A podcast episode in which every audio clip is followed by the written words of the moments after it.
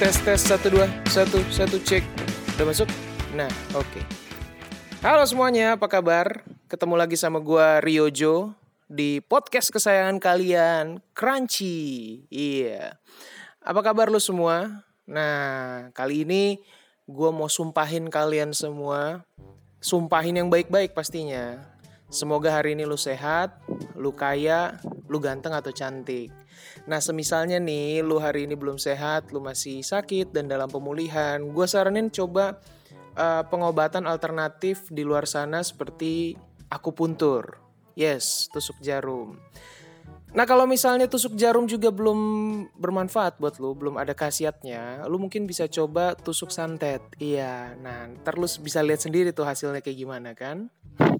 Nah kalau misalnya lu belum ganteng, lu belum cantik, masih jelek, masih dekil, mungkin lu bisa cek IG kita sis. Di situ banyak katalog-katalog menarik yang bisa kalian miliki di @crunchy.id ya kan? Ih cucok deh. Ya ampun kok ngondek ya gue. Oke. Okay. Kalian bisa cek IG kita di @crunchy.id, tapi yang pastinya kita nggak ngiklan produk-produk kecantikan. Di situ uh, ya kita ngiklanin podcast kita lah, bukan ngiklanin pemutih, ya kan penumbuh bulu, bukan. Nah, kalau kalian mau kasih komentar, silahkan. Pasti kami bales komentar-komentar kalian. Semua komentar kalian tanpa terkecuali pasti kita bales. Komentar yang positif, komentar yang membangun, komentar yang mendukung kita, kita balas. Sekalipun juga komentar-komentar haters, netizen-netizen yang ngejulit sama kita, kita balas kok dengan cara kita report dan kita blok. Hmm, mampus. Seperti yang sudah kalian dengar, dari tadi gue nyerocos sendirian aja ya, karena emang hari ini gue nge-podcast sendirian aja. Biasa kan gue ditemenin nih sama Anton. Nah, kenapa si Anton hari ini tidak uh, nge-podcast sama gue? Karena alasannya dia lagi sibuk sidang kasus pelecehan dan pemerkosaan. gak, gak, gak, bercanda, bercanda. Dia sedang sidang uh, kasus, kok kasus lagi sih? Dia sedang sidang uh, eh, S2-nya. Dan dia sudah masuk tahap akhir. Sekarang dia mau sidang dan kita doain semoga dia nggak lulus. Ya, semoga dia lulus dengan hasil yang bagus dan uh, ya semua cita-citanya tercapai. Oke, semangat semangat Ton. Nah, lanjut. Karena kali ini gue sendirian aja, itu artinya gue bebas ngomongin apa aja. Enggak lah bercanda bercanda. Kan kalau ngomong ada aturannya juga. Nggak bisa asal bicara. Kalau misalnya lu ditangkap kan lu di penjara disodomi di penjara hmm nikmat ya. Hi. oke pas juga sih tapi nggak ada Anton hari ini. Kita ngapain ya? Hina dia aja kali ya? Ngegosipin dia seru kali ya? Ah jangan deh. Kan gosip nggak boleh ya gosip ngebully ngegibah itu kan dosa Nanti kita dilaporin lagi, dilaporin sama Anton ke Lembaga Perlindungan Satwa. Hmm. Terus nanti kita meninggal, abis itu meninggalnya kena azab. Terus dikontrak sama Indosiar, terus kita masuk ke ini film sinetronnya dengan judul film akibat sering gosipin orang lain matinya digosipin sama kuburan sebelah. Nah kan? Bahaya tuh. Tapi ya kalau tadi kan ngobrolin soal Anton. Ya sedikit cerita aja sih ini tentang Anton. Anton dulu tuh uh, dia kita udah temenan dari sekitar tahun 2008 lah ya. Kita temenan dari SMA terus dia juga anak kedua dari dua bersaudara, bokap nyokapnya orang Cina. Oke. Dan semasa gue temenan sama dia, gue tuh suka sebut dia dengan julukan. Jadi karena kita udah saking deketnya nih ya, kita udah udah pernah tidur bareng ya kan, udah pernah mandi bareng, udah pernah main pedang-pedangan bareng, anjir maho maho maho. Enggak, enggak. ya pokoknya kita udah deket lah ya. Kita dulu satu band udah main seru-seruan lah. Uh, kita udah temenan dari kecil pastinya. Dan semasa gua nggak kita temenan sudah dari SMA gitu. Dan semasa gua temenan sama dia gua tuh selalu apa ya panggil dia dengan sebutan "Oi Cina" gitu. Dan eh jangan jangan sebut rasis dulu, jangan sebut rasis dulu. Nggak rasis sebenarnya. Kalian dengar dulu kelanjutannya. Dan apa ya? Tiba-tiba ketika pas gue setiap gue panggil dia, "Oi Cina, Cina" gitu. Biasa di belakang gue akan ada suara bijak berbicara seperti ini. Lo juga Cina goblok. Dan gue tersadar. Oh iya ya gue juga Cina. Tapi ya udahlah. Ngomongin soal Cina uh, kita ini berteman sebenarnya ada bertiga. Gua Anton sama Abang Hatar. Dan Abang Hatar yang udah menikah duluan. Kita berdua belum menikah. Kenapa kita belum menikah juga sampai saat ini? Karena kita berdua masih miskin. Ya dong, mau halalin anak orang kan harus ada duit, bukan asal cerot, ya. Paham? Dicatat ya. Mau halalin anak orang harus ada duit. Jangan asal cerot. Nah, uh, kembali lagi, gue sama Anton sama Abang Hatar kita bertiga dan kita dari tiga etnis yang berbeda. Uh, eh, gue Ambon, jadi nyokap gue Ambon, bokap gue Cina, terus uh, Hatar Batak dan Anton yang Cina Tulen. Jadi kita menjuluki diri kita adalah trio ABC. Nah, Trio ABC udah tahu kan panjangannya pasti kalian udah ngerti lah. Ambon, Batak, Cina. Nah. Jadi ya gitulah. Dari antara kita bertiga yang paling bening cuma satu Anton. Iya. Ya lu ngerti lah maksudnya bening itu apaan. Tapi nih ya, flashback lagi sekitar tahun 2008, 2008 akhir kalau nggak salah ya. Anton itu pernah terlibat kasus curanmor. Eh, curanmor sorry sorry. Kecelakaan motor maksudnya. Dan kejadian tragisnya itu mengharuskan dia patah tulang. Syailah harus. Kayaknya dia diwajibkan banget ya patah tulang di umur sekian.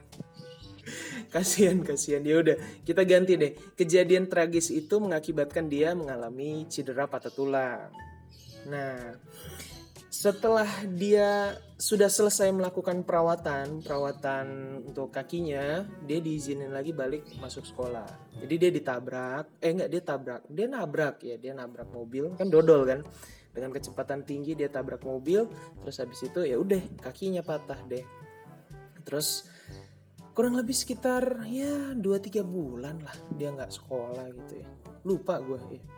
Dan uh, pas dia diizinin lagi masuk sekolah, dia punya teman setia yang setiap pagi menunggu dan menggotong dia naik ke lantai dua untuk masuk kelas. Ini ceritanya Anton nih jujur kasihan banget. Udah kecelakaan, patah tulang kan, terus kelasnya di lantai dua. Ya lu bisa bayangin tuh kalau dia naik bagaimana.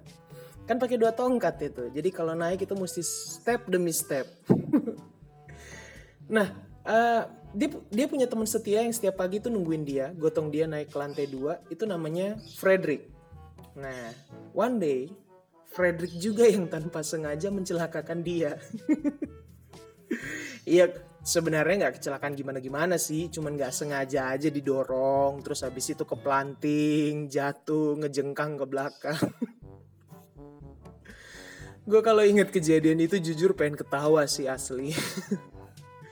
ya mungkin dari kalian yang dengar pasti ada yang bertanya. Nah, lu sendiri di mana waktu itu yo? Katanya lu temenan gitu. Kok bukan lu yang ngegotong dia? Jawabannya ada dua. Yang pertama, gue belum sekelas gitu. Karena kelas 1 kita beda, kelas 2, kelas 3 baru kita sekelas. Cuman temenan udah dari kelas 1. Nah kita belum sekelas jawaban pertama Terus jawaban kedua adalah gue pikir juga bodoh amat Gak lah, gak, gak. Waktu itu ya gue bantu sih, bantu. Gue bantu dari lantai dua gue sorakin, Anton, Anton, ayo semangat Ton, kamu pasti bisa. Terus pas pulang gue bantu doa gitu. Goblok banget gue ya. nah, singkat cerita akhirnya kita uh, naik kelas, kita akhirnya di kelas 2 kita bareng nah pas kita mulai sekelas itu kalau nggak salah si Anton juga sudah mulai lepas satu tongkatnya. Dan dia juga udah mulai berangsur-angsur pulih. Tapi jujur ada satu hal dari dia yang selalu buat gue tuh kesel tiap hari. Yang selalu buat gue tuh hampir apa ya pengen pengen tampar aja mukanya nih. Karena tiap pagi hampir tiap pagi dia akan samperin gue dan dia sambil bawa besi pennya yang uh, berukuran kurang lebih 25 cm besi pen penyangga tulangnya itu bekas operasinya. Dan kadang si anak kampret ini selalu nunjukin ke bekas nunjukin bekas besi pennya ke gua sambil nawarin nih yuk mau nggak? Buat lu yuk jaga-jaga disimpan yuk kan setan tuh anak. Oke tapi itu sedikit cerita ya tentang si anak kampret satu itu tuh yang udah temenan sama gue dari ya cukup lama 2009 hari ini balik lagi ya ke pembahasan kita. Dari tadi ngomong panjang lebar ngarol ngidul tentang si anak kampret satu itu tuh. Hari ini rencananya sebenarnya gue pengen bahas film. Tapi gue ingat gue tuh sepakat bahas film gak sendirian. Ya lihat sama si Anton. Ya kan gak enak juga gue bahas film sendirian. Jadi berhubung gue sendirian dan dia lagi mempersiapkan sidangnya, kita tahan dulu tentang film. Nanti di next episode kita akan bahas film. Dan kali ini kita bahas tentang iklan saja, ya kan? Menurut informasi nih, informasi sumber terpercaya yang gue dapat, iklan pertama di dunia itu adalah iklan sebuah jam tangan bermerek Bulova. Nah, jadi iklan ini nih berasal dari Amerika Serikat, tepatnya ditayangkan tanggal 1 Juli 1941 di saluran WNBT New York, WNBT New York. Cuman kalau sekarang nih ya, kita kenal uh, channel itu dengan nama WNBC. Dan iklan itu tuh ditayangin di TV tepat sebelum pertandingan basket antara Brooklyn Dodgers melawan Philadelphia Phillies. Itu itu iklan pertama di dunia gitu. Tapi emang uh, tahun 40-an itu ya tahun-tahun bersejarah ya. Ya kan kita merdeka juga tahun 45. Nah, kalau kita melihat iklan in zaman sekarang, sekarang zaman sekarang nih menurut gua iklan itu bisa disisipkan di mana aja. Contohnya nih ya, seperti di Instagram. Pasti kalian semua para sobat crunchy, para sobat crunchy yang setia nggak asing dengan yang namanya penumbuh payudara, peninggi badan, iya kan, pemutih kulit. Nah, bahkan komen-komen seperti ketek kamu hitam, selangkangan kamu hitam, cek IG kita sis, itu pasti nggak asing buat kalian, ya kan? bahkan nih ya sampai ada yang frontal yang pernah gue baca ya. Jujur gue gue baca terus gue ngakak sendiri. Tulisannya gini istri kamu selingkuh. Kamu nggak hebat di ranjang. Titit kamu kecil sih makanya pakai minyak tangkur itu men gue bacanya shock loh gila dia langsung nyebut titit kamu kecil itu kayak nggak ada di di apa ya bahasanya ditata baik dulu gitu. Kenapa dia langsung menyebutkan kata itu? To the point kayak gitu. Astaga, asal nyebut aja gila, gila. Aduh, aduh, belum lagi nih ya. Iklan-iklan receh tentang aplikasi plus game di handphone. Ya kan? Di Play Store, Google Store, App Store gitu kan yang suka bikin kita emosi dan ini tuh suka tampil tepat sebelum kita nonton YouTube. Biasanya kalau pas kita mau nonton YouTube muncul iklan dulu di awal. Nah ini nih, ya kalian tahu lah yang belakangnya go go go itu. Cuman daripada nanti uh, makin berkepanjangan, kita ganti aja nama iklannya jadi Bego, ya kan? Nah, di situ tuh apa ya? Uh, yang iklan yang gue lihat itu ada percakapan terjadi antara dua teman yang satu sedang main handphone yang satu sedang menghampiri. Dan ketika yang satu sedang menghampiri, dia lagi jalan, nah, nah, nah, nah. Terus abis itu dia melihat uang temennya jatuh di bawah kakinya, di bawah kaki si temennya yang lagi main gadget. Terus abis itu dia mengatakan, setelah itu dia mengatakan ke si uh, temennya yang lagi main gadget. Hey, itu uang kamu jatuh. Terus temennya menjawab, oh tenang saja, aku masih bisa dapetin lagi di Bego. Tinggal download, mainkan dan aha, aku dapat uang, dapat uang baru. Men, kacau sih itu. Duit jatuh itu yang gue lihat duitnya tuh seratusan ribu. Seratusan atau lima puluhannya lumayan lah buat sehari kan lu makan di McDonald gitu. Terus saya bilang katanya, tenang saja saya tidak butuh. Duitnya hilang, saya tinggal download bego, saya mainkan dan aha, saya dapat lagi duit baru. Itu kan kacau tuh jadinya. Tapi ya itulah. Akhirnya dia tinggal download, dia mainkan dan dikasih tunjuk, iya dia dapat. Nah itu lu bayangin coba. Kalau misalnya ada anak kecil, lu lagi naik gunung, tiba-tiba lagi ke hutan lah, tiba-tiba lu ketemu anak kecil itu, dan anak kecil itu tuh dia sedang sendirian, dan akhirnya lu samperin dia. Hai dek, kamu ngapain sendirian di sini? Mama kamu mana? Terus tiba-tiba dia jawab ke kalian, Oh tenang saja, aku masih bisa dapetin lagi di Bego. Tinggal download, mainkan dan aha, aku dapat mama baru. Itu kan kacau men. aduh, aduh, aduh. Tapi beneran ya, iklan zaman sekarang nih bukan hanya iklan yang tanpa sadar sudah melakukan pembunuhan karakter ke kita semua. Tapi iklan-iklan yang, aduh men, lu sudah ada gue ngeliat sih Terus gue juga ada cerita ya pengalaman gue sendiri pribadi. Ini nyebelin banget tentang iklan di yang baru-baru ini gue dengar yaitu iklan di radio. Jadi ketika pas gue lagi nyetir nyetir mobil nih gue denger biasanya emang gue suka putar radio dan gue dengar tentang iklan jasa penyedia internet. Nah jadi ceritanya gue lagi nyetir mobil gue putar radio pas lagi nunggu lagu selanjutnya gue lagi denger radio waktu itu dibawain sama iRadio kalau nggak salah dan lagi si Rico Ceper sama Melanie Putria dia lagi siaran terus habis itu dia puterin lagu-lagu yang bagus-bagus. Terus tiba-tiba muncul lah uh, satu iklan. Dan iklan itu percakapan lagi antara dua orang teman dan ceritanya kayaknya dia lagi di cafe dan dialognya tuh seperti ini nih. Aduh internet gue lemot banget ya. Terus temennya jawab makanya pakai ya kita sebut aja ya jasa penyedia internetnya ini namanya Crunchy Online makanya pakai Crunchy Online Crunchy Online punya segudang manfaat seperti kecepatan downloadnya 1000 MB per second dan kecepatan uploadnya 700 MB per second. Wah, terus temennya jawab nih, wah keren ya Crunchy Online. Kalau gitu bayarin gue kopi dan uh, kue gue dong. Gue lagi bokeh nih. Tunggu tunggu. Itu kan jadinya jaka sembung bawa golok. Gak nyambung goblok. Iya dong, lu ngomongin internet terus ditimpalin sama temen lu bayarin kue sama kopi gue. Ya kan itu. oke oke lanjut.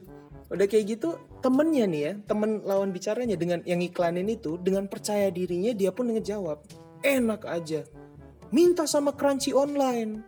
Cuman Crunchy Online yang punya banyak bonus dan gratisan seperti gratis 100 channel TV, gratis telepon, dan masih banyak lagi. Udah minta dibayarin, ngaku lagi bokeh, terus suruh diminta dibayarin sama penyedia internet itu. gitu kan makin. aduh, aduh, aduh coba lu bayangin ya iklan di Indonesia ini udah banyak yang kacau iklan-iklan gak bermutu dan pembunuhan karakter terus gak nyambung ya kan lu bisa lihat tadi dia dari uh, kasih tahu internet terus abis itu temennya jawab gue lagi bokek tolong bayarin terus disuruh minta sama crunchy online buat dia bayarin internet lo itu kan coba diaplikasikan lagi ke kehidupan nyata ya tepatnya lu pas lagi boker Lo bayangin nih, aduh gue sakit perut nih, gue pengen berak. cebokin dong. Terus tiba-tiba ada yang jawab, enak aja. Minta sana sama Crunchy Online. aduh, aduh.